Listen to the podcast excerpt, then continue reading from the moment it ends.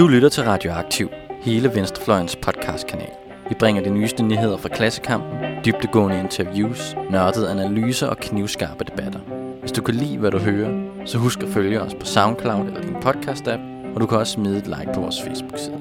Så læn dig tilbage, knap bukserne op og nyd en varm kop Rød Radio.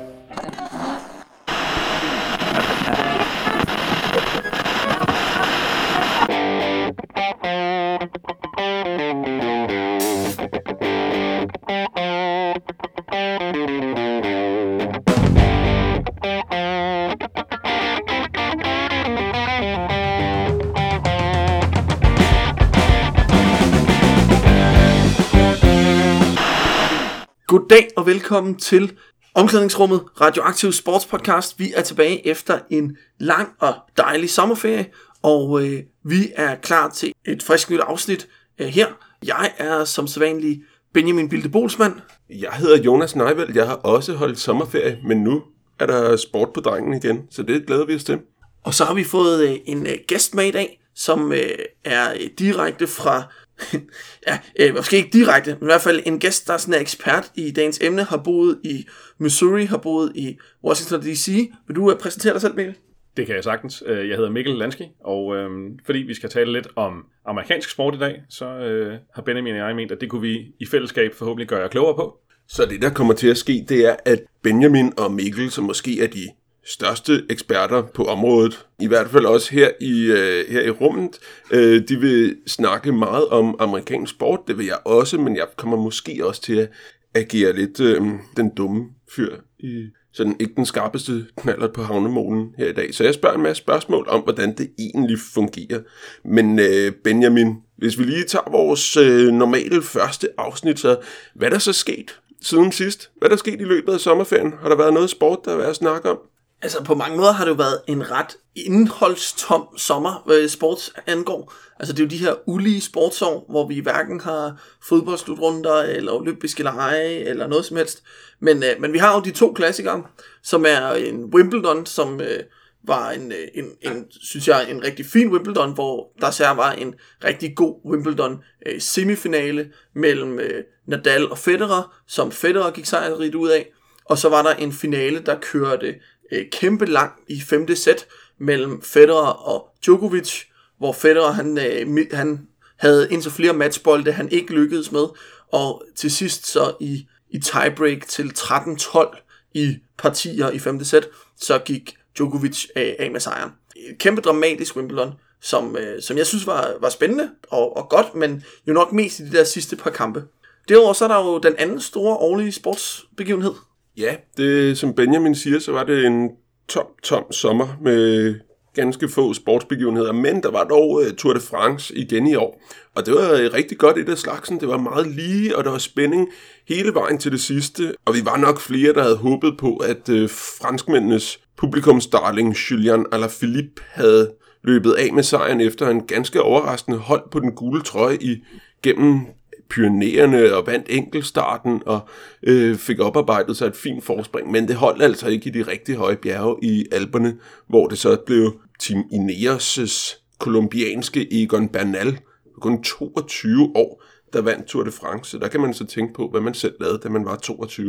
Det var i hvert fald en rigtig, en rigtig god rundtur i det franske i år, og det glæder vi os til næste år. Jeg vil sige, det mest øh, hjerteskærende øjeblik, det var nok, øh, da Thibaut Pinot, en anden franskmand, som havde kørt rigtig godt, blev tvunget til at stå af med en øh, lovskade på den, øh, på den store etape i Alperne, hvor han sådan kører rundt og bare ikke kan træde rundt og køre rundt og græder der. Så det var, det var hårdt. Han havde fortjent bedre. Ja, øh, jeg er jo meget enig med Jonas. Øh, fremragende Tour de France, måske især indtil der var to etapper tilbage, fordi da først Thibaut Pinot var ude, og Alaphilippe var endelig sat, så var det som om, at der ikke rigtig var nogen, der var villige til at prøve at tage kampen op med Bernal.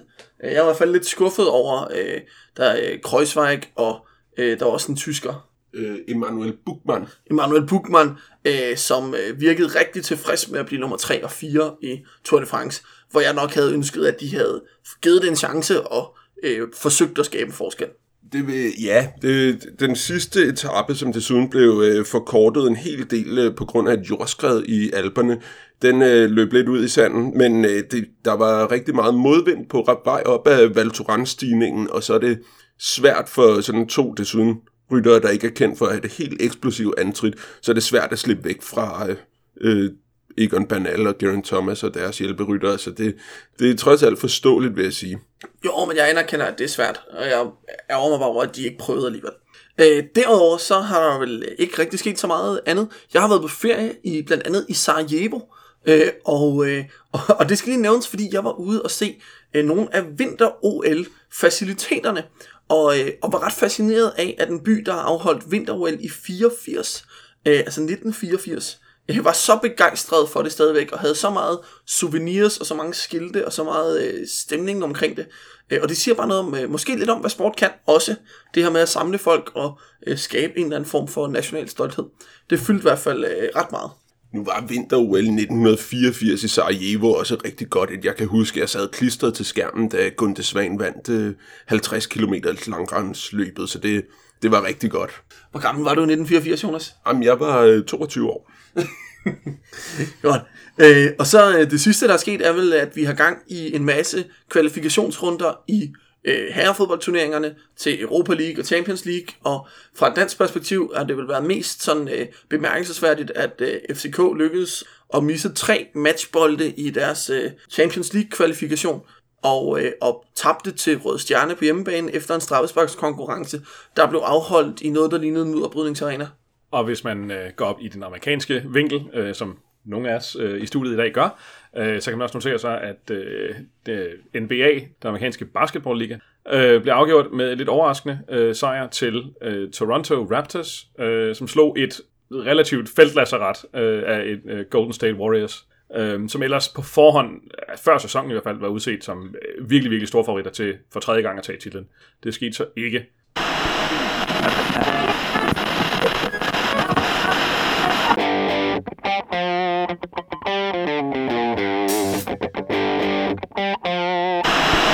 Det vi skal snakke om i dag, det er amerikansk sport, og øh, forsøg at snakke lidt om, hvad vi kan have af venstreorienterede vinkler på øh, Øh, sport i USA.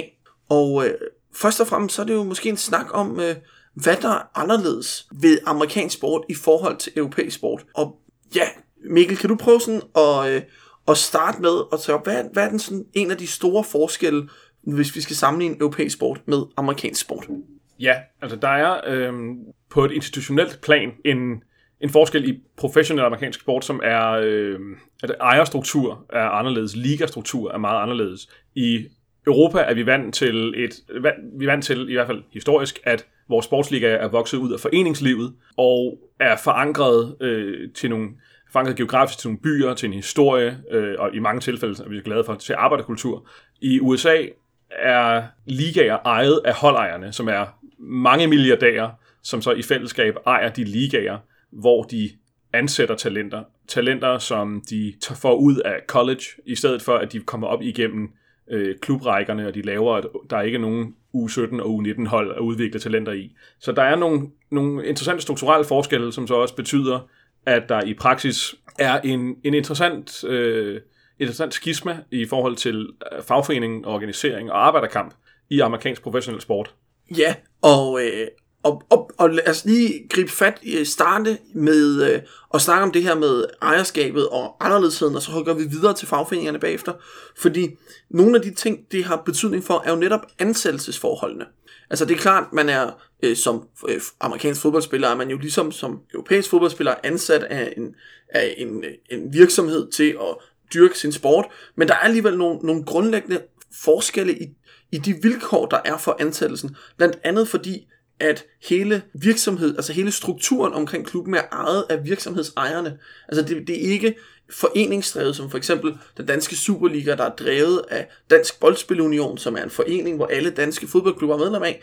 Her der er det virksomhedsejerne, der i fællesskab ejer øh, ligaen, og det giver nogle, øh, nogle vilkår omkring det her med ansættelsesforhold. Blandt andet så er der draft-systemet, og Mikkel, kan du lige prøve kort at forklare, hvad går draft-systemet sådan helt kort ud på, og måske også kort, hvilke konsekvenser har det? Ja, det vil jeg gerne lige prøve at forklare. Øh, et, et draft-system øh, er en, en måde for ligaerne at organisere, hvordan de indoptager nye spillere, altså får ny arbejdskraft ind i deres firmaer, groft sagt, ansætter nye folk.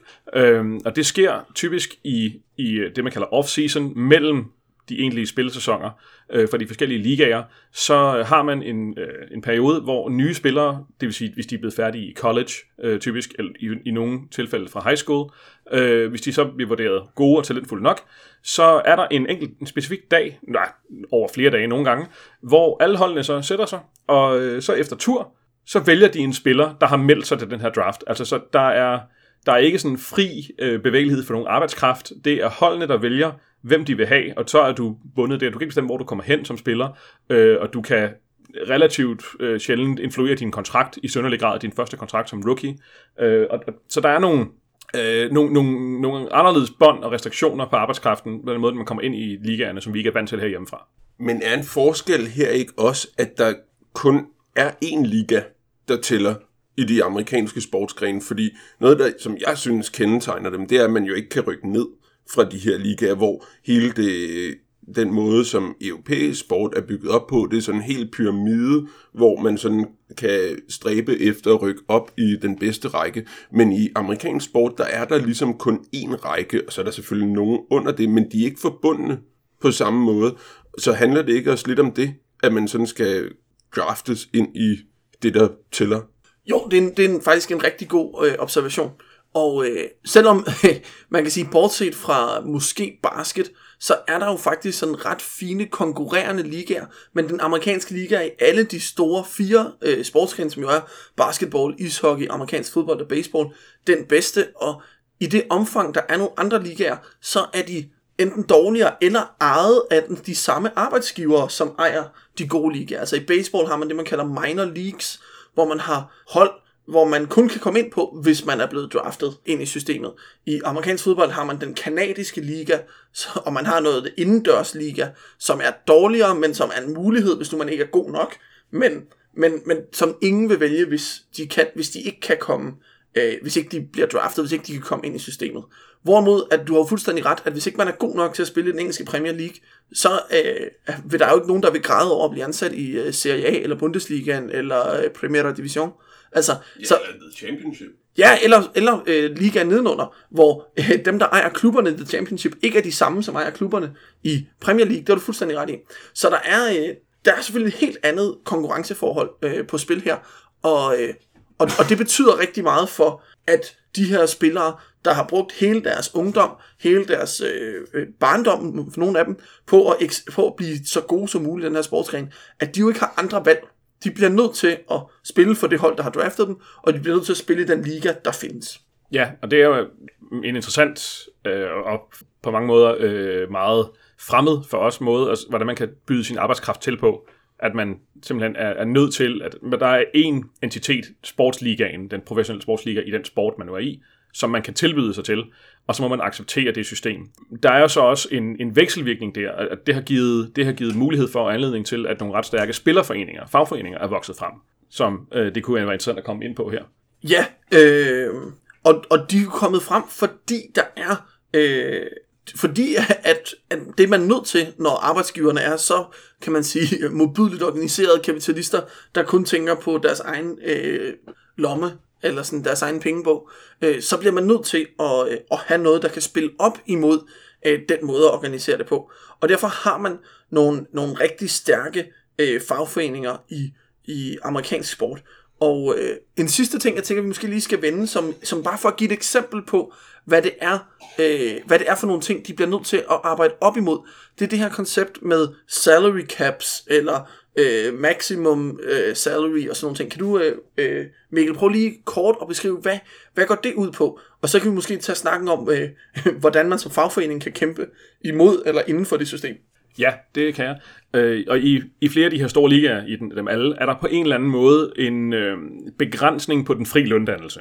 Øh, og, og det er jo så typisk i arbejdsgivernes favør. Der er selvfølgelig store stjerner, som får store kontrakter, men jævnt hen, så kommer man ind på en rookie-kontrakt som ny spiller i en liga, så er man bundet x antal år, og man er bundet til et afhængig af, hvor man, er, hvor man er kommet i draften. Hvis man er draftet tidligt, kan man få flere penge, men man er bundet til en relativt lav løn i, i x antal år. Så kan man være bundet til den kontrakt i 4 eller 5 eller 6 år.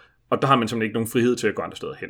Øhm, og så er der også begrænsninger på, hvor mange penge holdene må bruge på lønninger samlet set, eller relativt til øh, Øh, ligaen som helhed. Det afhænger af, hvilken sport der er tale om. Eksempelvis i baseball, øh, der har man ikke en decideret salary cap, men man har det, man kalder en luksusskat, eller en, en luxury tax, hvor baseret på øh, gennemsnittet af lønninger for øh, hele ligaen sidste år, eller budgetter for hele ligaen sæsonen før, så er der et loft på, hvor meget man må bruge, før, man så skal til, før holdene skal til at betale en, øh, et gebyr sådan, til ligaen samlet, øh, altså en, en skat, for at have for høje lønninger. Og det lægger jo et, det lægger jo et pres på, hvor højt lønningerne kan gå typisk. Øh, argumentet for fra ejernes side er, at så kan de store hold, som New York Yankees eller øh, Los Angeles Dodgers i baseball, de kan ikke bare, dem der har mange penge, de kan ikke bare købe sig til al succesen. Men det betyder jo også, at, at der, der sker noget løntryk.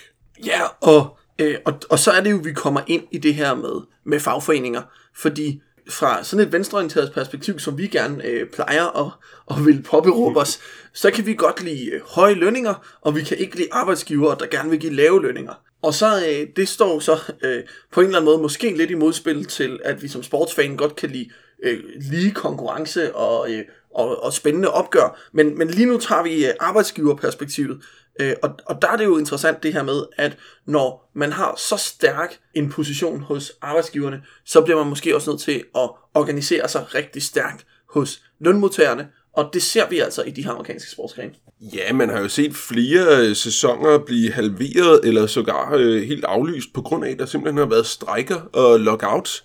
Der har været øh, klassiske, måske, øh, arbejdsmarkedskonflikter i amerikansk sport, og det står der trods alt ret pænt i kontrast til resten af det amerikanske samfund. Så øh, hvorfor, hvorfor strækker det hele tiden? Eller hele tiden, men en gang imellem. Hvorfor, hvorfor går vi så glip af at, at skulle se basketball i et helt år? Jeg tror, øh, jeg tror, der er nogle ting, der jo gør sig sådan særligt gældende i forhold til øh, det her arbejdsmarked. For det første så er nogle af de fordele, som arbejdsgiverne har med, at der ikke er andre steder, spillerne kan gå hen. Det er jo også noget, spillerne er meget bevidste om.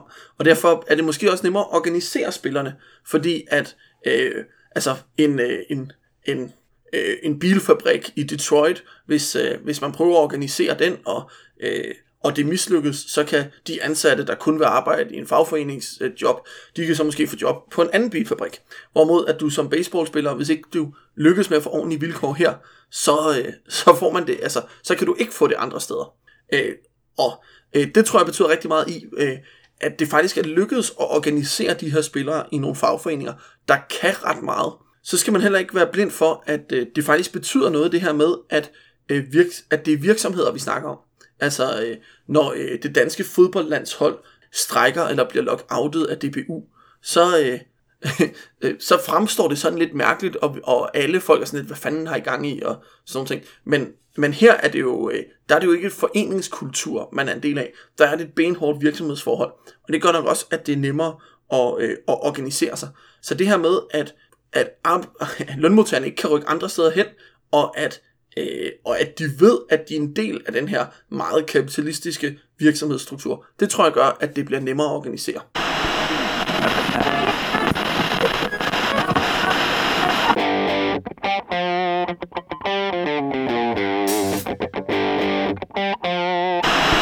Den her stærke organisering, vi ser på de her hold, den har jo haft nogle øh, konsekvenser. Og øh, Jonas, du har, øh, du har et eksempel på, på det, og hvorfor det måske ikke har været helt værst for øh, provins-Sverige.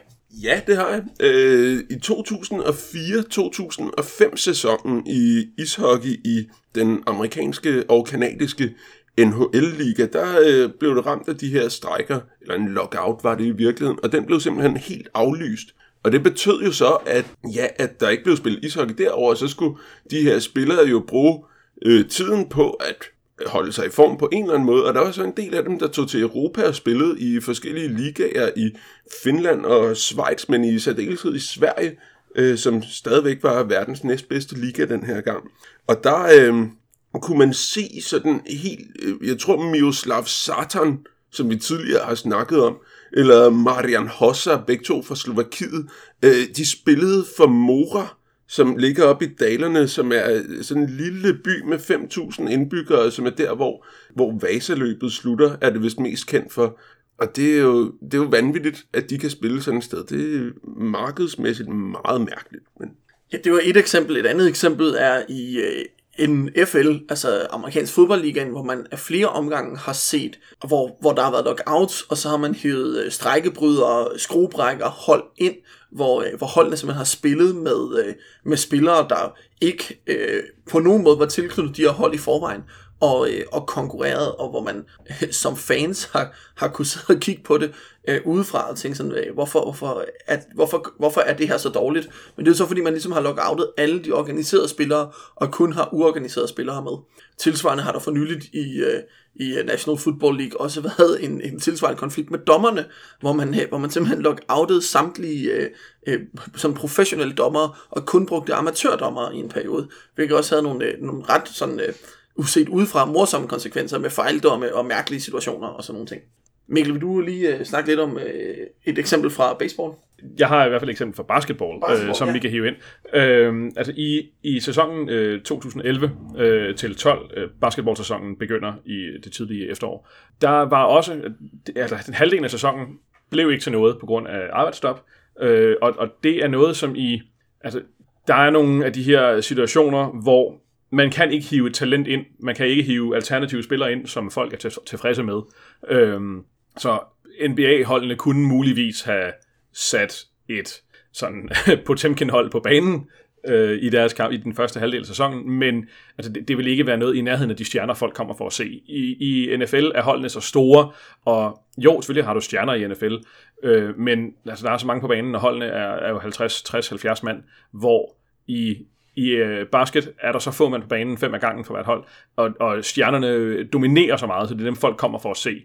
Altså, allerede når, øh, når stjerner i dag bare tager en kamp fri på en roadtrip, øh, så fører det til, at færre folk gider til at se de kampe, og færre folk stiller ind og ser dem på tv. Så der er jo også en økonomisk impetus i, altså, der, der, er, der er et tvingende element øh, i forhold til, hvor langt, altså selv hvis man logger out, hvor langt kan man bære det, fordi man mister jo indtægter. Øh, og det er jo også en, Ja, altså det, det er jo altid det pres, man kan lægge på, hvis man har en strække, øh, men også fra lockoutens side, fordi man har så når man har så begrænset en, øh, en, en konstruktion, så, så lukket en konstruktion i, den, i de amerikanske ligaer, øh, hvor man kan ikke rykke ned, og der er ikke alternativer. Og, altså, man låser sig enormt inde, så begge parter er virkelig afhængige af, at man får en ny kollektiv aftale temmelig hurtigt.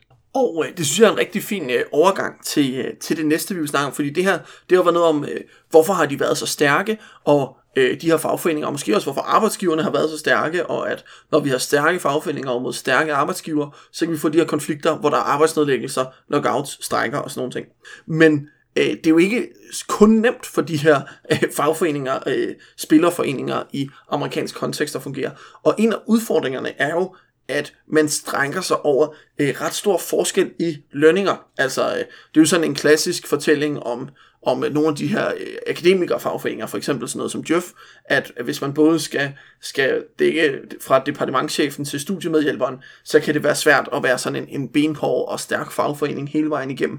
Og, øh, og der kan man sige, der er spændet i de amerikanske ligaer, hvor man har de her øh, training squad players, øh, øh, øh, spillere, som ikke engang spiller i den bedste liga, men som er sådan lige udkanten af den bedste liga, og så op til folk som i for eksempel øh, de bedste baseballspillere, der hiver kontrakter hjem på en halv milliard dollars, øh, set hen over øh, kontraktlængden, at det her med at skulle spænde hele det område, hele det spænd, det, øh, det er jo en udfordring, kan man sige, for fagforeninger. Hvordan laver man arbejdskamp, for, både for mennesker, der øh, kæmper for at øh, have et sted at bo næste øh, off-season, og så for folk, der øh, på mange måder har en formue, der kan konkurrere med øh, visse holdejere. Altså, det, det er jo en udfordring, man bliver nødt til at, øh, eller sådan, som, som må være en udfordring for, for en fagforening.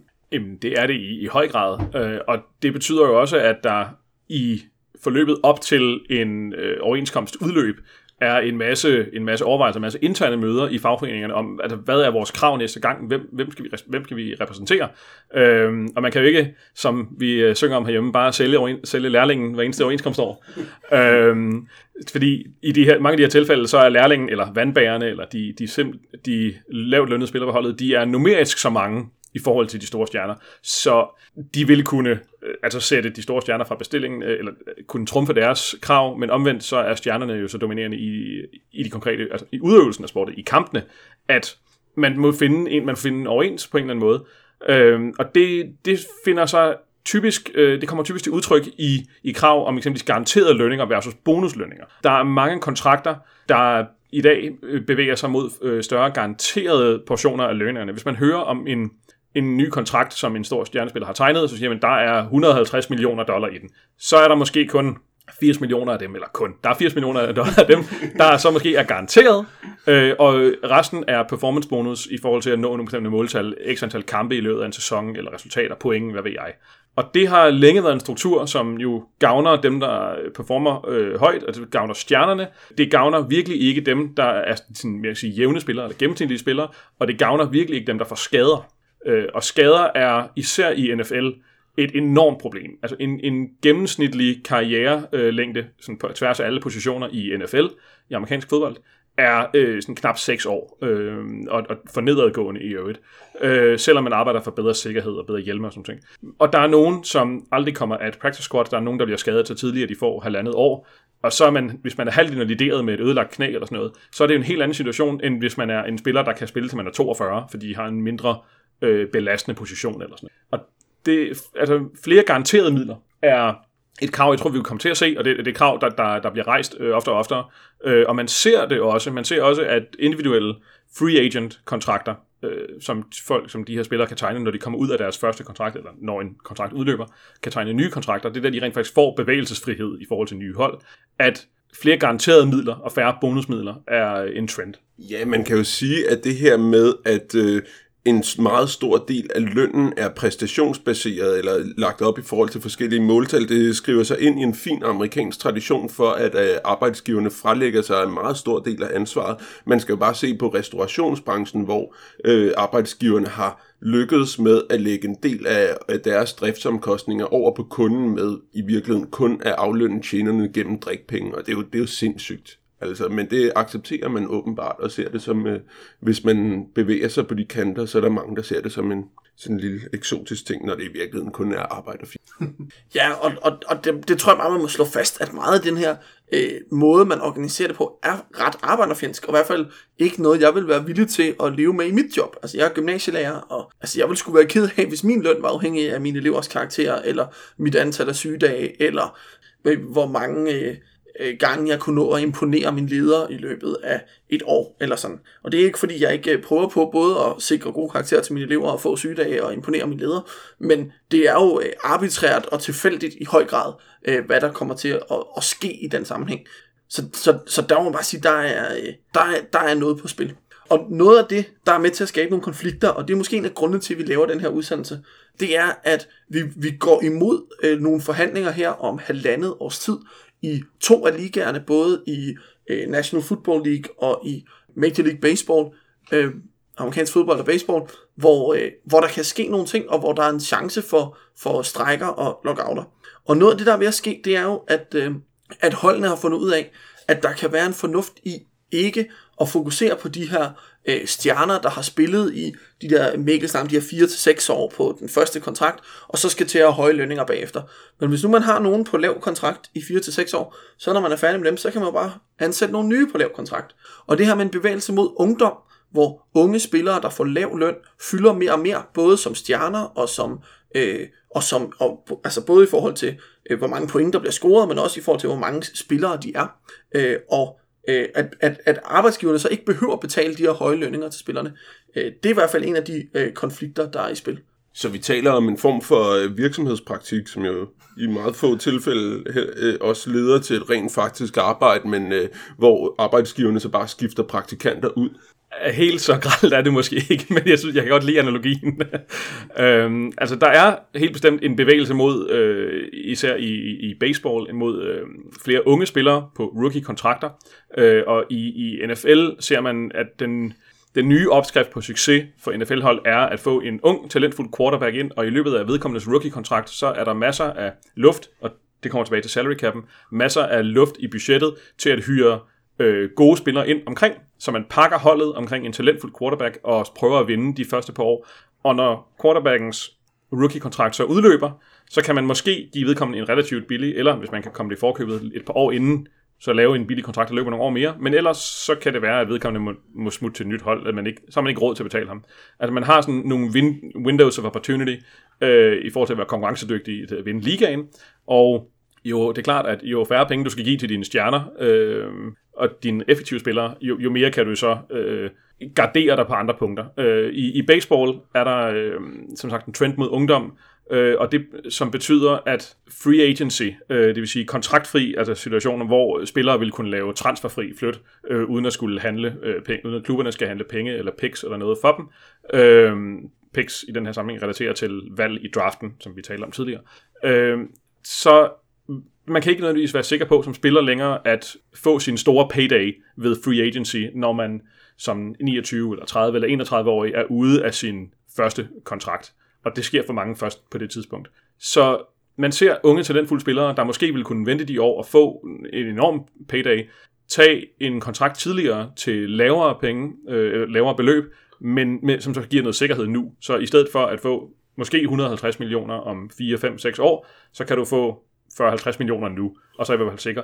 Og for mange af de her unge mænd, og for så vidt også kvinder, men især unge mænd, som øh, i nogle ligaer kommer fra øh, meget, altså kommer fra ringekår, der er fattige, der er mange sorte i eksempelvis i, i både i øh, basketball og i fodbold, så er altså muligheden for at kunne sikre din familie, de næste generationer, er, er, er jo altså, en, en svær ting at sige nej til. Ja, og samtidig så må man bare sige, at øh, det er klart, at man ud fra sådan et, et lønmodtagerperspektiv bliver nødt til at protestere, når der er en bevægelse, der hedder, at vi kan have folk i øh, arbejdsmarkedspraktik, løntilskudsordninger, øh, øh, altså sådan øh, tv- tvungne øh, lavtlønsjobs, og få dem til at producere det hele, og så det tidspunkt, hvor man så kunne sige, ej, nu er jeg blevet voksen, nu skal jeg til at have rigtig løn, så øh, kommer de og siger, ja, men nu gider vi ikke bruge dig mere. Så, så der ligger nogle kæmpe konflikter, øh, både i, måske især i øh, baseballligaen, men til en vis grad også i øh, amerikansk fodbold, her øh, i 2021, hvor der er en risiko for, at øh, vi ser øh, store øh, Øh, arbejdskonflikter, og øh, vel en, øh, en, den her, altså man kan jo risikere, at vi får den her øh, choksituation, hvor, øh, hvor, altså som vi så i 1994, hvor man aflyste øh, World Series, altså øh, mesterskabet i baseballligaen, altså vi kan jo forestille os en situation, hvor, hvor det kommer til at ske både i baseball og i amerikansk fodbold, og, og jeg tror ikke, man skal undervurdere både sådan en kulturel betydning for, for USA, det vil have, men også øh, at, at øh, måske en, en, at tænke over, at, at de her, det er, øh, selvom det er, øh, som man klassisk siger det, millionær millionærer mod milliard, milliardærer, øh, så er det altså også øh, arbejdskonflikter, der handler om at få lov til at øh, få sin del af overskuddet. På den måde så er det jo et klassisk marxisme med, øh, altså, øh, mere, at, at det handler om at komme ind og få sin, øh, sin andel af merværdien. Og når vi snakker øh, verdensomspændende sportsstjerner, så er merværdien bare rigtig, rigtig høj.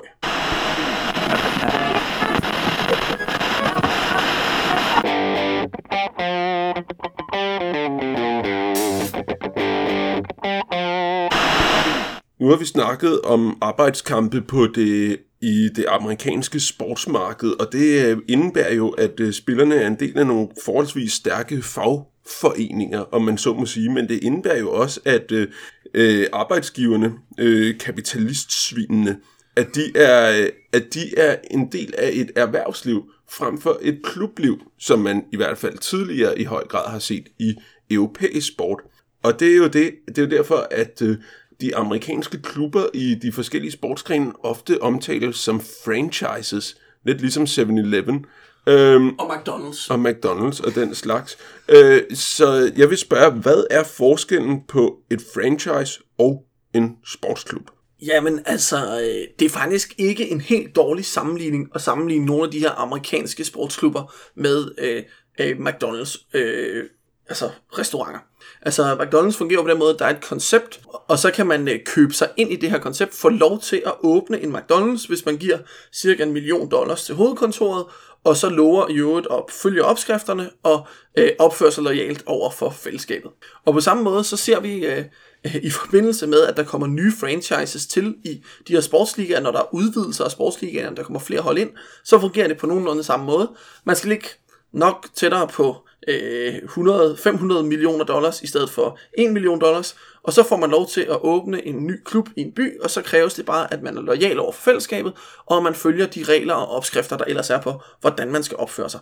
Og det her med, at man på en eller anden måde er en underafdeling, et datterselskab af ligaen i højere grad, end man er sin egen øh, entitet. Det betyder rigtig meget. Men det, der også betyder noget, og som måske især betyder noget i forhold til mentalitet, det er jo det her med, at man er en virksomhed og ikke en forening. Hvis øh, vi har meget trofaste lyttere med, så er der måske nogen, der har hørt vores allerførste afsnit, hvor vi snakker om håndboldens betydning i Danmark, og måske især omkring øh, den her halvkultur, man, man kan se i Jylland, hvor, for, hvor, hvor det ligesom fylder noget for øh, den, altså, den måde byen fungerer på, at man mødes i hallen, og øh, far er frivillig, og mor hun øh, sælger slik om lørdagen op i kafeteriet, og, øh, og øh, så skiftes man til at sidde i bestyrelsen, og sådan ting. Hele den her øh, kulturelle foreningsdannelse, det findes jo bare overhovedet ikke i de her, øh, i de her sammenhæng. Det er virksomheder, der kører på virksomhedsvilkår, og øh, de er ikke lojale over for en by eller over for et lokalområde, de er lojale over for øh, den øverste ledelse, der sidder på et kontor i øh, New York eller LA, eller hvor det nu sidder han. Og det ses jo også, den her, det her fravær af loyalitet, ses jo også ved, at øh, hold jævnt, jævnt hen flytter. Altså, de, de rykker simpelthen teltpælene op, hvis de føler sig ikke godt nok behandlet den by, de måtte være i. Øh, de fleste sådan, millionstore byer i USA har et eller andet sportshold. Nogle har tre eller fire, nogle har ingen. Øh, men det er, en, det er sådan en kvid pro quo med, med det lokale bystyre om at give nogle øh, skattefordele, at give noget støtte til byggeri af nye stadion og sådan noget. Og hvis man ikke får det, jamen så, så flytter man sig. Øh, I de seneste par sæsoner i NFL er der øh, hele øh, fire hold, der har flyttet sig. Øh, LA havde ikke et øh, hold i, havde ikke haft et hold i ret lang tid, og nu har de pludselig to. Øh, og, og det, Altså, der er selvfølgelig en overvejelse i, hvorfor så stort et marked som LA ikke havde noget, men det mente ligaen også var et problem, og derfor har man så lavet to flytte. Men fans i San Diego og fans i St. Louis, øh, der hed henholdsvis øh, Chargers og Rams før, de har endnu ikke noget hold i NFL at holde med der. Øh, og det er jo en, altså man kan ikke forestille sig, i hvert fald meget, meget svært forestille sig, at, at Brøndby eller øh, øh, Atletico Madrid pludselig skulle beslutte at tage altså, tværs over deres land eller til et andet land. Ja, altså Brøndby bliver til Holstebro IF. Øh, men, øh, men der er faktisk et, øh, et enkelt eksempel på det i fodboldens verden, som øh, blev ret famøst for nogle år siden. Og det var, da den øh, berømte fodboldklub Wimbledon øh, fra det sydlige London valgte, der valgte deres ledelse, de havde fået nye ejere, og så valgte de at flytte klubben til øh, Milton Keynes, som er Storbritanniens grimmeste by, og det siger ikke så lidt. Øh, som ligger en 80 km nord for London. Og, altså Storbritanniens svar på et højtostrup, der er lidt mere sølle. Ja, øh, ikke noget. Men øh, så flyttede de så op til Milton Keynes, og blev så kendt som Milton Keynes Dons øh, herop, og, det, øh, og de er blevet pænt upopulære i, i de andre klubber. Ja, altså, øh, der var en, en, en rimelig, synes jeg jo, protest mod hele ideen om, at man kan flytte en forening, man kan flytte et hold. Og øh, der var nogle ret fantastiske øh, fanprotester. Blandt andet så er der sådan nogle øh, fanproducerede optagtsmagasiner til, øh, til, øh, til, til hvad der skete i de fire bedste engelske ligaer, hvor man sådan konsekvent bare ignorerede dem, eller øh, øh, sådan, at man bare ikke nævnte, at de var med i ligaen. Der var en tradition øh, på et tidspunkt, det der sker, der, der så opstår et hold, der bliver stiftet af Wimbledon fans, der hedder AFC Wimbledon, hvor der så opstår en tradition med, at når ens hold, hvis man er sådan en tilskuer, der plejer at tage til udebanekampe, så i stedet for at tage til Milton Keynes og øh, betale for at komme ind på deres stadion og se øh, sit eget hold spille på udebane mod dem, så tager man så ud og hæpper på det her øh, hold, der starter i den syvende bedste liga, som når man øh, i stedet for at tage til Milton Keynes, så tager man så til Brighton og hæpper så på Wimbledon, øh, AFC Wimbledon mod Brighton, øh, i stedet for at tage til Milton Keynes og hæppe på sit eget hold. Og det er jo faktisk blevet en solstrålehistorie, fordi i dag ligger AFC Wimbledon højere oppe i det engelske ligasystem end Milton Keynes Dons, som ligger i den fire bedste række, mens AFC Wimbledon ligger i den tredje bedste række. Så det virkede, og det kan vi være glade for. Øh, ja, hvis vi lige øh, skal tage en, øh, en, enkel enkelt pointe til omkring det her med, hvad der sker i Europa, der kan minde lidt om, så øh, er det jo også interessant at kigge på sådan noget som øh, RB Leipzig, som øh, jo er øh, ejet af øh, Red Bull-koncernen, og som gerne vil hedde Red Bull Leipzig, Leipzig, og øh, så fik de ved, at vi kan ikke have sponsornavn her, nu hedder de så RB, som står for øh, Rasenball øh, forening, så sådan noget med Plænebold. Plæneboldklubben øh, Leipzig, øh, for ligesom at kunne få lov til at hedde RB, som selvfølgelig står for Red Bull, men ikke, er, ikke officielt gør det. Øh, hvor man simpelthen har sagt, vi vil gerne øh, smide nogle penge i sport, så vi tager en klub, der ligger langt nede i ligaerne, og så giver vi dem bare et budget som om, at de er en topklub, og så bliver de jo en topklub i løbet af fem år. Og det har virket sig at virke af flere omgange. Wolfsburg har gjort det med øh, penge fra øh, øh, Volkswagen-koncernen. Hoffenheim har gjort det med en lokal millionær. Og, øh, og RB Leipzig har gjort det her for nylig. Øh, så det viser sig, at man i hvert fald i den tyske liga kan skabe tophold, hvis man har øh, milliarderne bag sig. Øh, men, øh, men et andet del af det her franchise-koncept, og en anden forskel, det er noget Mikkel, du gerne vil snakke om, og det handler om, hvordan kommer spillerne ind i de her franchises, fordi en spiller i øh, for eksempel AFC Wimbledon har jo givetvis spillet ungdomsbold i AFC Wimbledon, eller har spillet i en lokal klub, og så blevet hentet til, når han blev lidt ældre, vokset op, spillet på, på øh, juniorhold og ynglingehold og sådan ting. Men, men sådan fungerer det jo ikke helt i amerikansk sport, Mikkel. Nej, det fungerer faktisk slet ikke sådan i langt de fleste tilfælde. Øh, og det hænger sammen med, det hænger sammen med, hvordan øh, meget af det amerikanske civilsamfund fungerer. At, at der er ikke et foreningsliv på samme måde.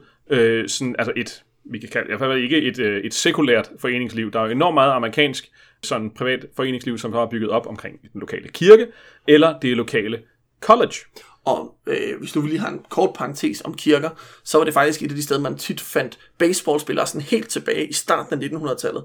Det var ved, at scouts tog ud og så sådan nogle lokale kirketurneringer, hvor forskellige kirkehold spillede mod hinanden, og så fandt man de bedste spillere, og så hævde man dem til New York og gjorde dem til øh, moderne mennesker. Så længe de ikke var sorte. og det er selvfølgelig ikke noget, vi mener. Det er jo sådan, at tidligere var sport, og især også baseball i USA, adskilt. Det var en forsøg på en joke, sorry. øhm, men der er netop øh, en talentudvikling, der foregår selvfølgelig også talentudvikling i USA, men som ikke sker i, i ungdomshold, eller ikke sker i lokale klubber. Det sker så i stedet i uddannelsessystemet, øh, hvor alle friske unge knægte i high school skal være på et par forskellige hold, og så skal de løbe track, og så skal de nå en masse ting. Og hvis de er gode, så får de et scholarship til et andet college, som så fokuserer mere på en sport, end de gør på det akademiske. Og derigennem kommer man så ind. Og, og det betyder også, at man rykker rundt forskellige steder i landet. Hvis du er altså du kan være en lokal knægt fra øh, Wisconsin, som får et tilbud om et scholarship i Arkansas, øh, og så når du er færdig med at spille øh, football hos Arkansas Razorbacks i 3-4 år, så kan det være, at du bliver draftet til et hold op i Seattle. Og så er der jo ikke nogen lokal forankring. Der er jo ikke nogen loyalitet der, der er ikke nogen geografisk affinitet, som er vokset op øh, i, i, altså i ungdomslagene hos AGF eller Brøndby på en anden måde. Nej, en anden interessant ting omkring det her med, som skyldes det her college-system og college-uddannelsen, det er, at øh, mange af de her store colleges i USA er jo offentligt ejet. Øh, det har øh, den øh, ironiske konsekvens, at mange af de højst betalte øh, offentlige ansatte i USA er, øh, er fodboldtrænere eller baskettrænere, Øhm, men, øh, men det har også den konsekvens, at de skal overholde reglerne for den offentlige administration. Og der er nogle regler omkring øh, kønsdiskrimination, der gør, at der skal bruges lige så mange penge på hvert college på kvindesport som på herresport. Og det er noget af det, der gør, at man faktisk på mange områder har øh, et ret progressivt sportsmarked i USA. Man har professionel øh, kvinde basketliga, man har tidligere haft professionel kvinde fodbold, altså europæisk fodboldliga, og man i college sport har lige så mange scholarships til kvinder som til mænd. Og det giver øh, kvinder en mulighed for at dyrke sport på en måde, vi faktisk har svært ved at gøre i Europa. Ja, og der kan man jo se, at øh, det er jo almen kendt, at amerikanere er rigtig dårlige til at spille fodbold, men det er deres kvinder altså ikke, og det er fordi, de øh, kan de får nogle langt bedre vilkår i deres talentudvikling, end de gør i Europa, og vinder VM og OL gang på gang. Så på den måde, så kan det, så kan det virke, øh, selvom amerikanere ikke kan spille fodbold. Ja, altså... Øh, det, det tror jeg var fordommen indtil de slog England ved VM i 1950. Men, øh, men det er fint, du holder ved her snart 70 år efter. En sidste pointe, som øh, måske hænger sammen med det her franchise-koncept, og måske hænger sammen med nogle andre ting, øh, men som, øh, som noget, du gerne vil vende, øh, Jonas, det er jo det her med øh, doping i amerikansk sport over for europæisk sport. Ja, jeg synes, det er bemærkelsesværdigt, at man snakker rigtig meget om doping i for eksempel cykelsport, når de største dopingproblemer objektivt set findes i amerikansk sport. Altså baseball er vist nok den sportsgren i hele verden med flest øh, doping, snyd, med mest dopingsnyderi, øh, flest anerkendte dopingtilfælde, men det vælger man øh, pænt at ignorere, og det synes jeg er lidt hyklerisk, øh, når problemet i virkeligheden, sådan set i forhold til, i virkeligheden ikke er stort i cykelsport. Jeg tror, at meget af det handler simpelthen om øh, altså profitraten. Det, meget af det, amerikansk sport er big business. Det kommer man ikke udenom. Altså NFL som liga har en indtjening på øh, altså langt over øh, 10 milliarder dollar om året. Øh, og altså, det er jo nok til at drive halve og hele byer øh, i årvis. Det er nogle enorme øh, budgetter og nogle enorme indtægter, der er enorme øh, øh, profitter, der bliver delt mellem ejerne, hvor altså professionel cykelsport, jo, der er penge i det, men altså, det er jo ikke sådan, at Lance Armstrong efter en vanvittig global karriere med masser snyd, men øh, altså, er, han er ikke i nærheden af de top 20 eller top 50 rigeste atleter i verden. Det er øh, baseballspillere, det er basketballspillere, og det er nogle enkelt øh, hockey og måske en enkelt øh, fodboldspiller, øh, som er, og så er der nogle, nogle golf- og tennisfolk. Der er langt flere penge i det her, og selvfølgelig europæiske fodboldstjerner, ja, øh, det er klart. Øh, der er så mange penge i det, så jeg tror incitamentet til at, øh, altså, til at gøre noget ved det, og incitamentet til måske fra klubbernes side at ignorere det, er øh, ret overhængende. Ja, jeg tror også især der med, at øh, det i høj grad er blevet ignoreret. Der er sådan en kæmpe skandale, der hedder steroid scandal, eller sådan i øh, baseball i slut 90'erne, start 0'erne, som, øh, som der faktisk ikke rigtig bliver gjort noget ved fra hver, nogen af holdenes side, fordi altså, de synes, det er meget fedt, at alle deres spillere er blevet kæmpe pumpet, og øh, kan smadre baseballen rigtig langt, fordi det kan folk godt lide at se på. Home runs er fede, og øh, store mænd, der kan smadre ting langt, er fedt. Øh, og det er faktisk først, da øh, John McCain, nu afdøde amerikanske senator, begynder at indkalde til sådan nogle øh, øh, høringer i det amerikanske senat, hvor han har ønsket at diskutere de her ting, at der faktisk bliver gjort noget ved det. Øh, så jeg tror også det her med, at vi har at gøre med firmaer og franchises, der skal tjene penge på, øh, på, at, øh, på at gøre det, øh, og derfor er mindre interesseret i øh, retfærdighed og i øh, lige vilkår, og mere interesseret i øh, bundlinjen.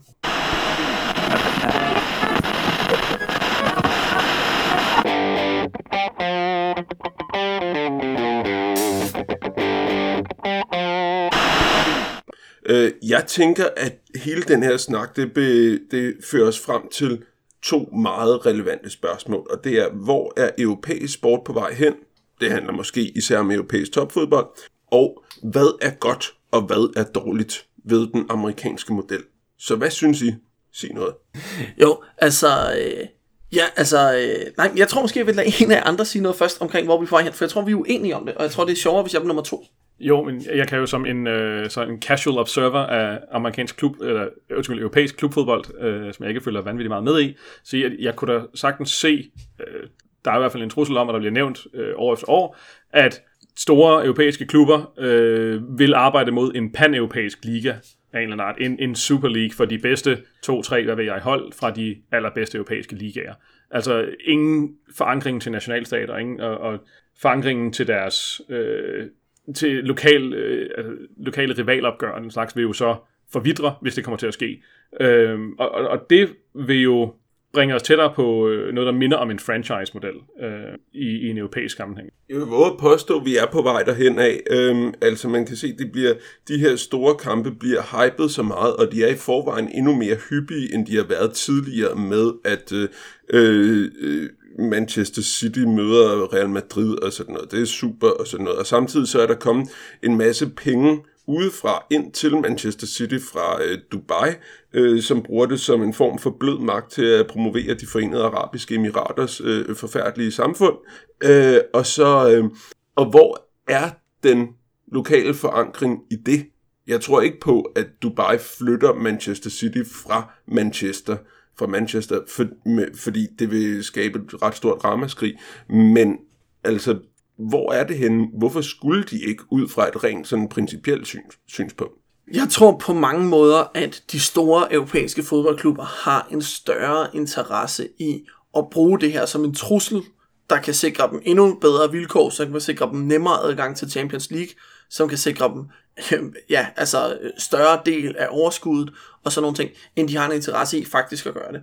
Jeg tror, at mange af de her klubber, altså Liverpool er jo sådan en klub, som vil være oplagt at have med i sådan en europæisk øh, Superliga, men øh, er det oplagt, man skal have Everton med, og hvad vil der ske med øh, Liverpool, hvis ikke man har lokalopgørende mod Everton, tilsvarende øh, Barcelona mod Espanyol og de her ting.